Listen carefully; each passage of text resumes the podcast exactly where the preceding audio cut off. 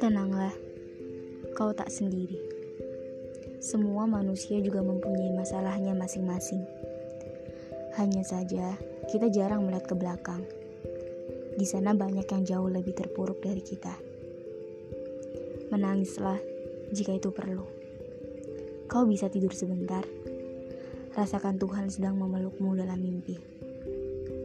Dan saat kau terbangun nanti, semuanya akan pulih. Hatimu akan tenang dan akan selalu tegar menjalani hidup.